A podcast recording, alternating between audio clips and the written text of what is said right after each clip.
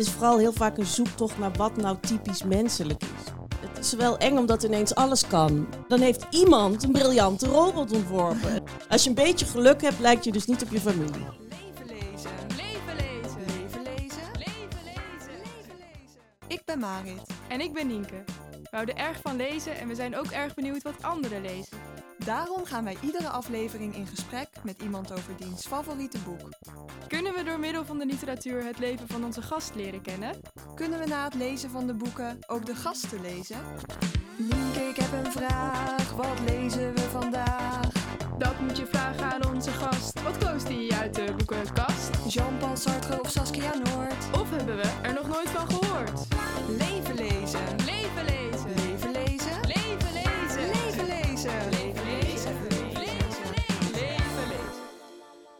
Welkom allemaal bij de live opname van onze boekenpodcast Leven Lezen. En in elke aflevering interviewen we bekende mensen over hun favoriete boek. En we praten vanuit dat favoriete boek over, over het leven van die gast. En eh, we hebben al verschillende mensen gehad, vooral uit het culturele veld, zoals bijvoorbeeld de eh, muzikanten Mike Auwboter en Ruben Heijn. Maar ook schrijvers als Oek de Jong en Raoul de Jong. En vandaag zitten we hier met Esther Gerritsen om te praten over haar favoriete boek, De Tijdmachine van H.G. Wells. En ook even een beetje over haar nieuwe boek, Gebied 19. Ja, en vorig jaar stonden wij ook hier op het grote gebeuren. En toen interviewden wij Libris-winnaar Marika Heidman. En dat vonden we heel leuk, dus we zijn heel blij om weer terug te zijn. Eh, en we vroegen ons ook af, zijn er hier ook mensen in de zaal die hier vorig jaar ook waren... of die naar onze podcast luisteren? Eh, voor degenen die ons nog niet kennen, maar na afloop van deze podcast denken... naar die podcast wil ik nog wel een keertje luisteren... dan kun je ons vinden op Apple Podcast, Google Podcast, Spotify en Soundcloud. Ja, maar nu zitten we hier dus met Esther Gerritsen. Eh, de meeste van jullie waarschijnlijk wel bekend. Maar we zullen toch nog even bovenhalen waarvan je haar allemaal kunt kennen. Eh, ze schreef negen romans, waarvan de laatste afgelopen jaar uitkwam, Gebied 19. Andere bekende titels zijn Dorst, Roxy en De Terugkeer. Ook schreef ze in 2016 het boekenweekgeschenk Broer. En verder schrijft ze voor toneel en schreef ze scenario's voor onder andere de film Instinct en de televisieserie Red Light. Twee producties met Halina Rijn en Carice van Houten. Haar werk werd veelvuldig bekroond en zo won ze ook de Frans Kellendonkprijs voor haar gehele oeuvre. En ze wordt onder andere geprezen om haar zoektocht naar de grens tussen normaal en zonderling gedrag. En vandaag gaan we het hebben over haar favoriete boek, De Tijdmachine van H.G. Wells. Een boek dat inmiddels echt wordt gezien als een klassieker binnen de science fiction wereld. Eh, voor de mensen die het niet kennen, zou je even een korte inhoudelijke samenvatting kunnen geven? Ja, H.G. Wells, De Tijdmachine, ehm, is geschreven, het kwam uit in 1895. Eh, en het speelt zich ook af in 1895 in Londen. en er is een wetenschapper en die heeft een tijdmachine gebouwd. En eh, hij reist met die tijdsmachine naar het jaar 800.000 zoveel. En eh, dan komt hij in, dus in, die, in die toekomstige wereld, een, eh, leert hij de mensen daar kennen. En daar leeft een heel erg fragiel volkje. Eh, dat zijn dan hele kleine, lievige, verlegen mensen met zijden jurkjes. En ehm, eh, ze zijn wel een beetje nieuwsgierig, maar ook niet heel erg. Eh, en die mensen die zijn, die zijn zo geëvolueerd. Die hebben het leven zo perfect gemaakt. Alles zo geperfectioneerd en zo gemakkelijk. Dat ze al hun krachten zijn verloren. Dus eh, er zijn geen gevaren meer, lijkt het. Ze hoeven niks te doen om, om, om eten te krijgen. Dus het zijn een soort hele, hele weke figuren. Eh, en op een gegeven moment is die, die tijdreiziger, leeft dan tussen het volk en moment gaat hij in de rivier zwemmen en een van hen dreigt bijna te verdrinken. Maar die anderen, ja, ze zijn allemaal zo erg ja, niksig eigenlijk. Dus die kijken dan van, oh, er verdrinkt iemand. Oh ja, dus ze zijn helemaal niet gewend om iets te doen om te overleven. Of dan, en dan redt hij dat wezen, die, die, die, ja, ook een mens. En, en, en die, die hecht zich dan helemaal aan hem. En dan gaan ze samen op avontuur. En dan blijkt er toch nog een, eh, een volk te leven. En die leeft onder de grond. En dat zijn, eh, Dat is de andere helft van de mensheid, die eh, geëvolueerd is of gedegradeerd tot een soort beestachtig wezen dat onder de grond leeft en zich voedt met de mensen die boven leven. Maar het gaat er eigenlijk over, ja, een soort van, als, hij zegt het in die tijd zeggen ze natuurlijk de, de arbeiders en de kapitalisten. Je kan nu ook zeggen rijk en arm. Dat het, ene ontwikkelt zich tot een soort, soort niksig volkje, want die hebben, die hebben hun krachten niet meer nodig. En de anderen worden beestachtige overlevers. Ja, we gaan het zo natuurlijk meer hebben over dit boek. Maar wat trekt jou in het algemeen aan in het genre science fiction? Nou, één, ik vind het altijd heel erg leuk om mee te leven met iemand die, eh, die in een onbegrijpelijke wereld leeft. Die daarmee om moet zien te gaan. Dat je toch altijd voorstelt, wat zou ik doen als ik in zo'n wereld terechtkom? Het is vooral heel vaak een zoektocht naar wat nou typisch menselijk is. Want het gaat heel vaak, wat ik leuk vind aan science fiction, is, is, is als er iets doet, als, weet je, als, je, als, je, als, als ze mensen gaan namaken of robots gaan vermenselijken. Dit gaat dan wel over een, een dystopie of een, een soort een, een eng toekomstbeeld. Maar wat ik interessant aan vind, is wat, dat, ze- dat, dat die, die mensen zo vreemd heeft gemaakt. Wat gebeurt er als je deze eigenschappen uitvergroot? Ja, je hebt vast heel veel science fiction gelezen. Wat s- spreekt je zo bijzonder aan aan de tijdmachine? Nou, ik, vind dat, dat, ik vind die twee volken zo leuk. En Vooral dat volkje wat dan helemaal niks meer wil. Of wat ze, dat, dat alleen maar... Weet je, ze zijn bijvoorbeeld dus een beetje nieuwsgierig, maar, maar dat duurt dan maar even. van, Oh, nou, er komt leuk, raar nieuw iemand. En, ah, dan gaan ze weer verder. Zo. En, dan, en dan stel ik me voor van dat je... Dat je eh, zulke mensen bestaan natuurlijk ook. Van, wat als je... Ja, wat als zo iemand nu zou leven? Of als je een paar van die mensen uit dat jaar 800.000 hiermee naartoe zou nemen? Ja, en science fiction is wel soms een beetje een ondergeschoven kindje binnen de literatuur. Soms wordt het niet eens als echte literatuur gezien. Hoe kijk jij daar tegenaan? Volgens mij is het een soort tweedeling die, die, die gaat verdwijnen. Ehm, er zijn best wel veel schrijvers die heel veel met science fiction doen, maar dan niet officieel in het science fiction hoekje worden geplaatst. Kurt Vonnegut bijvoorbeeld, dat, dat noemt iedereen wel literatuur. En dan eh, mensen die, die zich heel erg tot het genre beperken, die, die worden dan in een apart hokje gezet. Maar ik denk dat dat vanzelf verdwijnt, want het is natuurlijk een beetje raar. Want wanneer is iets... eh, Hoe denk je dan dat dat komt? Dat er wel nu nog een tweedeling is?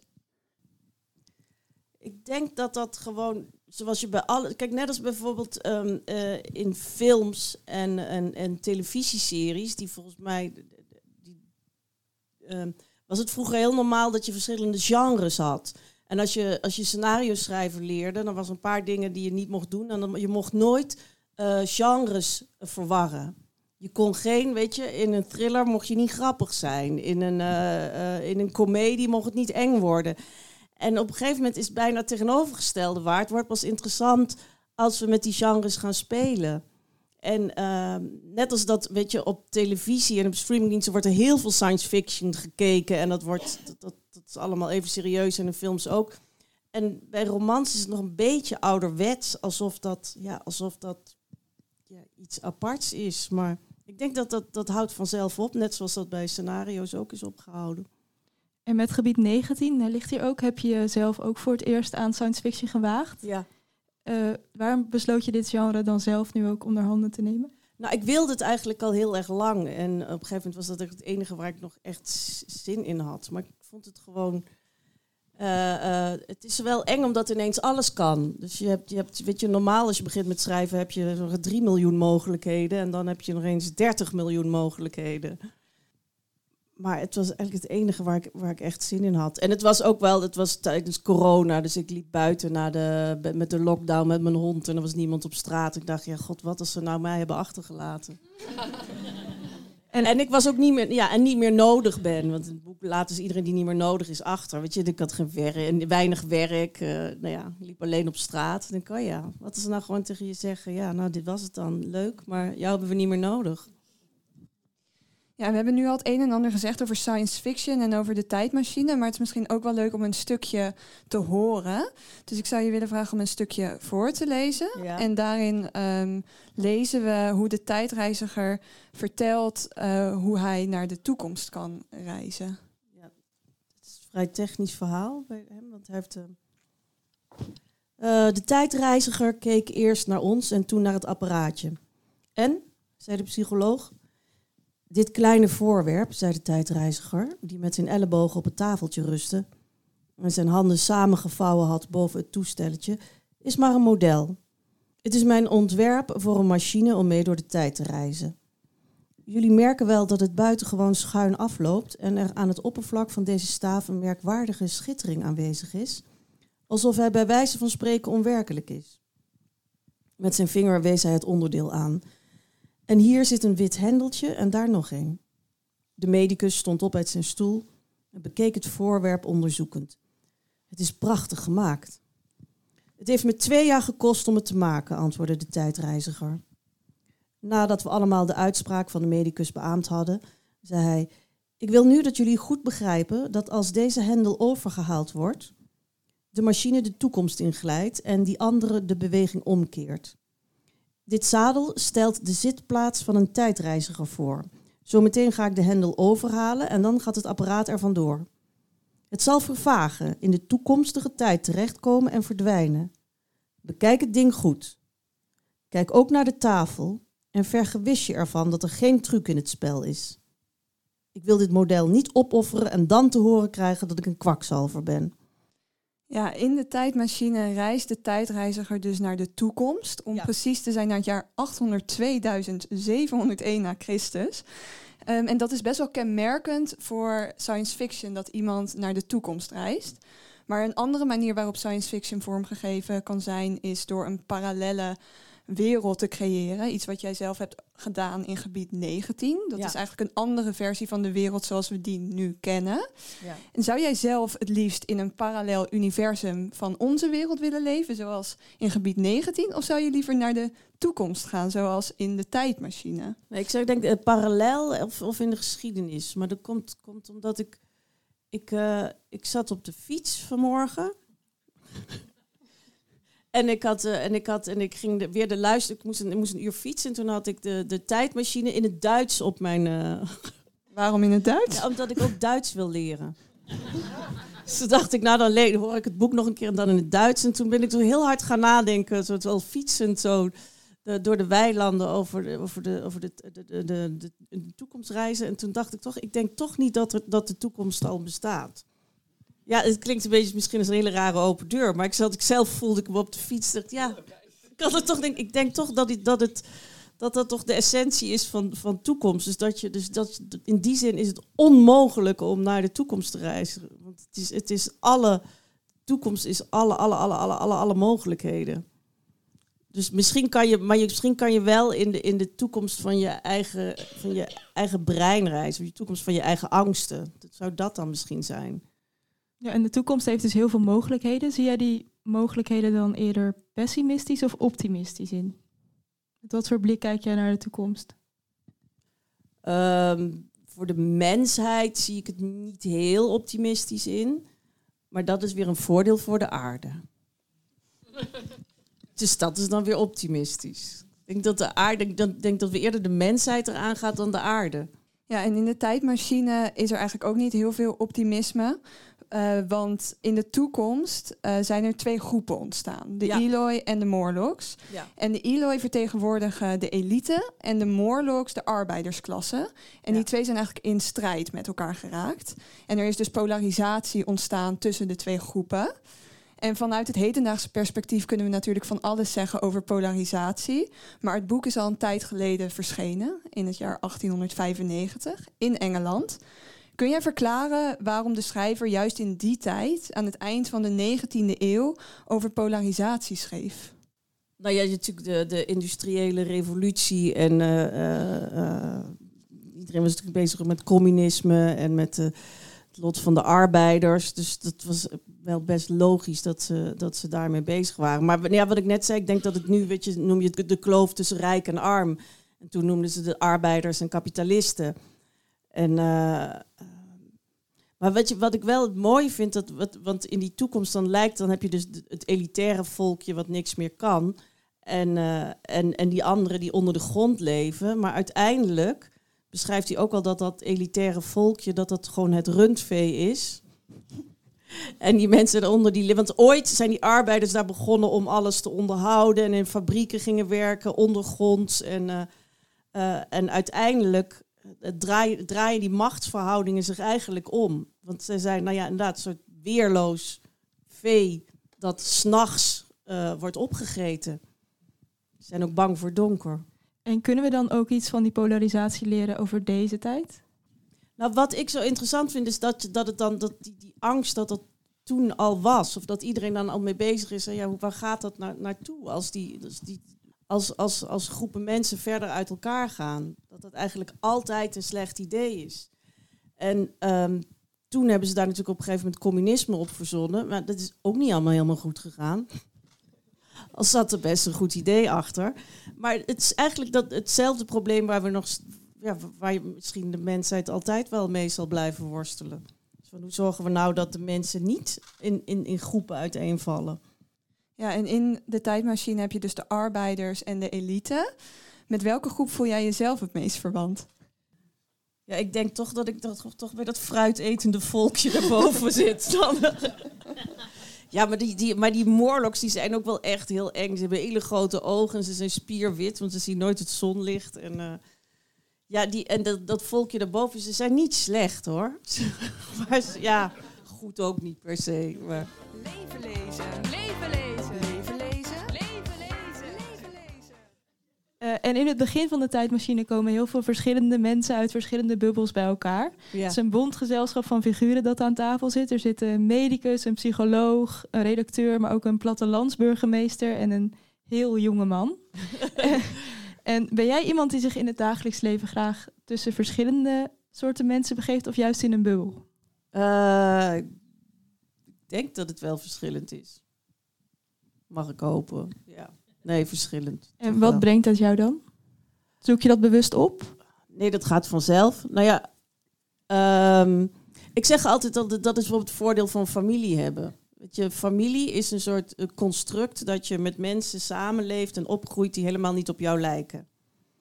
Omdat, eh, eh, eh, stel, je hebt een broer en die is dol op... Waar, waar heb je nou echt helemaal niks mee? Gamen. Gamen. Nou ja, je hebt een broer en die is echt. En je bent dol op jouw broer en die is echt dol op gamen. Nou ja, wat ga je dan doen? Dan ga je uiteindelijk toch een beetje in dat gamen interesseren. Ik bedoel, dan wordt jouw wereld. Nou ja, of wil je. Je wil in ieder geval. Als je een beetje lieve zus bent, kom op.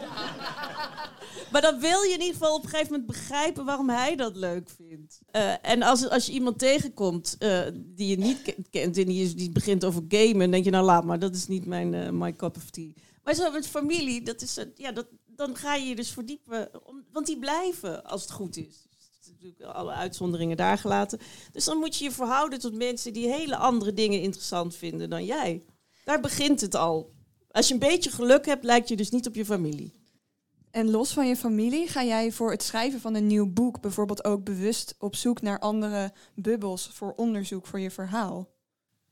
Nou, ik ga hoogstens dingen lezen, of soms wel eens dingen opzoeken of research doen. Maar ik kan wel eens mensen, ik kan wel eens mensen interviewen, ja. Of eh, ja, ik weet nog dat ik een keer een vriendin van mij, nou, die is eigenlijk ook familie, ja, want die ken ik vanaf de lagere school en die dat is financieel directeur. Nou, ik weet echt niks van financieel directeur. Ik zeg, ga, wil je met mij uit eten en dan ga ik jou interviewen over, jou, over jouw werk, want ik wil eens een keer iemand met een goed beroep in mijn boek. en dan, ja, maar dat is ook, ja, dat, dat is. Dat is dan extra leuk. Maar ik weet, dat is natuurlijk een tijd in je leven. Kijk, op de lagere school zit je met alle soorten mensen door elkaar. Op de middelbare school wordt het al iets minder. De, de universiteit, de HBO, weet je, wordt steeds, gaat steeds meer, eh, vernauwt het zich. En dat is ergens ook leuk, want je zoekt mensen op met dezelfde interesses. En dan op een gegeven moment wordt het weer eh, leuker om, om, om, eh, ja, om dat weer te verbreden. Ja, en voor gebied 19 heb je misschien ook wel een beetje verbreed je blik.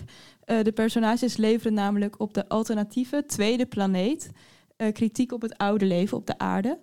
En er wordt geen vlees gegeten op die planeet. En de 12-jarige Parker die zegt dan tegen zijn vader: Jullie hebben de aarde verwoest. En daarmee worden hints gegeven naar hoe het leven op aarde er wel uit zou moeten zien. Ben je veel bezig met dat soort maatschappijkritiek Ehm, in je dagelijks leven? Nee. Ik geloof het niet. Nee, nee ik, ben, er- ja, ik, denk- ik denk er natuurlijk heel, hard over na. Maar ehm, nou, wat ik. Omdat er toch best wel veel nog wel maatschappijkritiek soms in zat. In. Nou, ik vind het heel interessant hoe op een gegeven moment... ehm, hoe in je vriendenkringen... hoe je op een gegeven moment... eh, hoe je botsingen krijgt over maatschappelijke dingen. Dus dat, zijn, dat, zijn, dat is eigenlijk zo'n beetje met COVID veel extremer geworden... En dat hadden we vroeger veel minder, had ik het idee. Ik voelde alsof het allemaal wel een beetje over alles eens waren.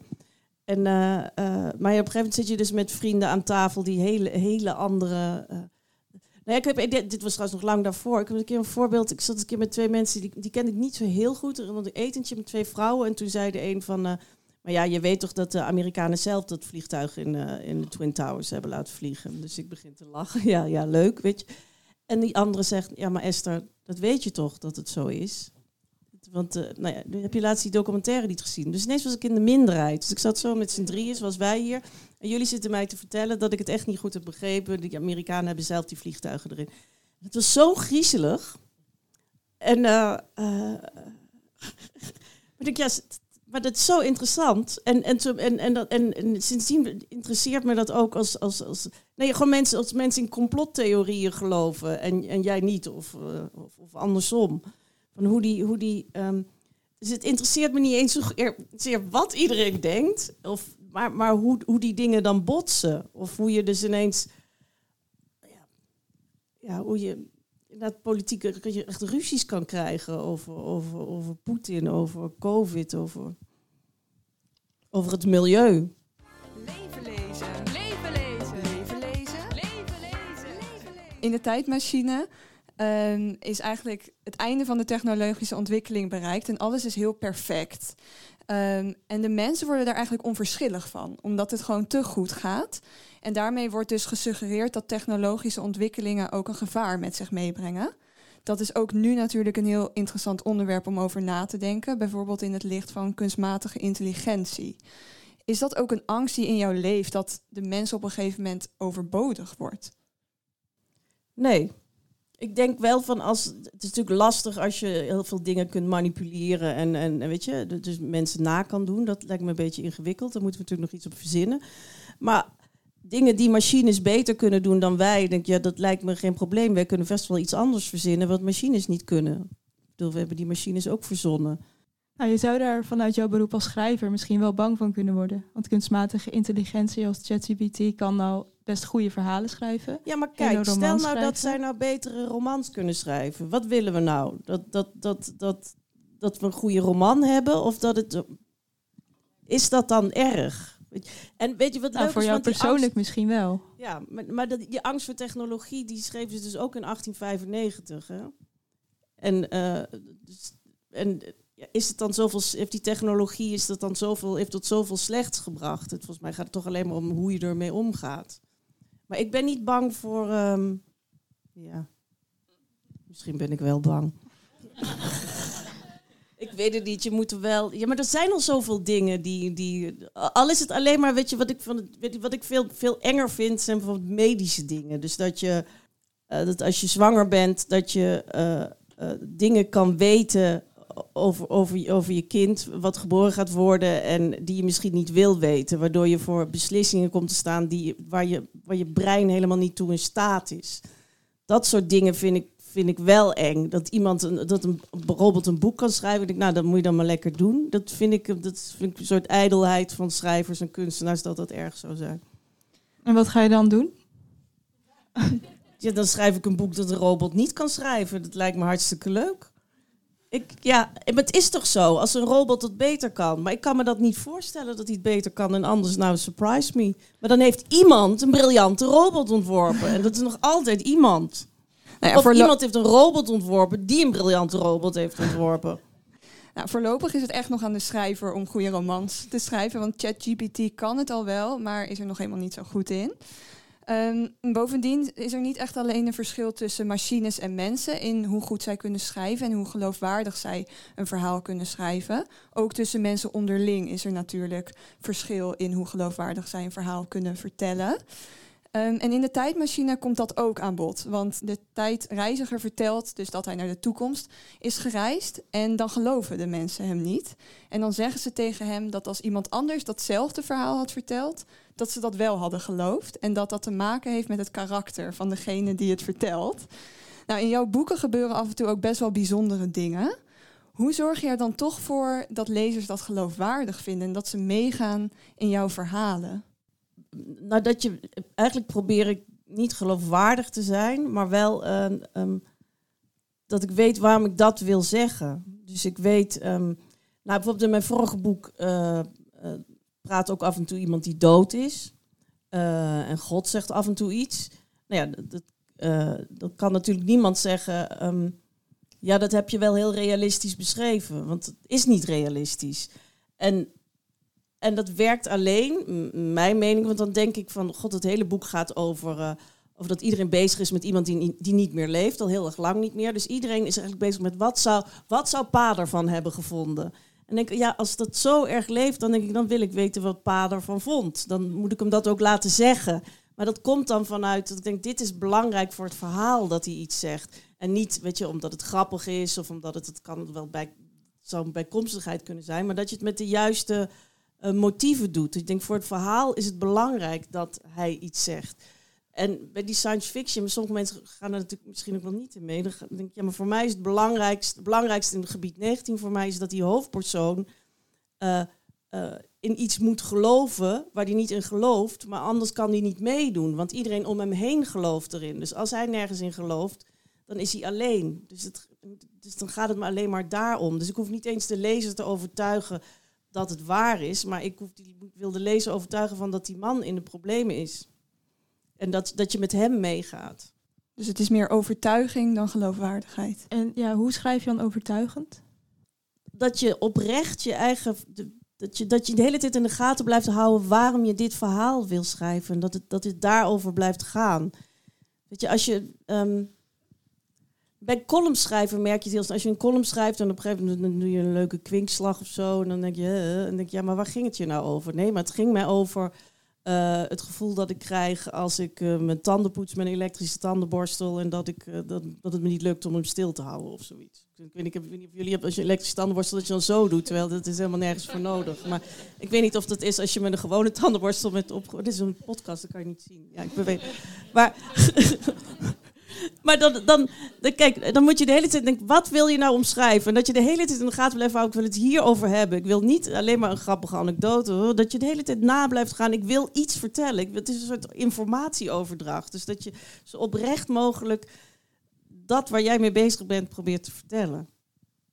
En dan even weer terug naar de tijdmachine. Hoewel wel zelf, zi- eh, zichzelf nooit aan een tweede deel heeft gewaagd, hebben andere auteurs dat wel voor hem gedaan. Eh, best bijzonder.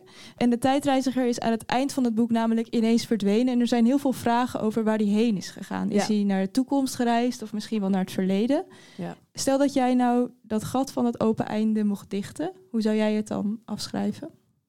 Nou, ik zou heel graag, alleen jammer genoeg is zijn vriendin is, gaat dood in dat boek. Maar ik zou heel graag, dat, dat als hij daar weer terug gaat, dat hij, dat hij mensen mee terugneemt. Dus dat hij die, eh, eh, zo'n zo'n niksig wezentje en zo'n eh, zo'n beestachtig figuur, dat hij die meeneemt naar het nu. En kijken van hoe, hoe gaan die, die mensen terug naar een soort ge- gemiddeld mens? Hoe gaan die om met deze, hoe, hoe krijgen we ze weer terug? Hoe kunnen we ze mixen? Dus ik zou, ik zou graag mensen mee, mee terug willen nemen. Nou, en met dit einde van de tijdmachine zijn we ook aan het einde van deze podcast gekomen. Allereerst willen we jou heel erg bedanken voor het interessante gesprek. We willen het grote gebeuren graag bedanken dat wij hier dit jaar weer mochten staan. En natuurlijk bedankt aan jullie, het publiek, voor het komen luisteren. En mochten jullie ons nog niet kennen en nog een keer willen luisteren, dan kan dat via Spotify, SoundCloud, Apple Podcast of Google Podcast. Bedankt voor het luisteren naar deze aflevering van Leven Lezen. Wil je meer afleveringen beluisteren? Volg ons dan in je favoriete podcast-app. Heb je een vraag? Of wil je ons gewoon iets laten weten? Stuur dan een mail naar levenlezen.gmail.com. Je kunt ons ook volgen op Instagram en Twitter. Tot de volgende keer!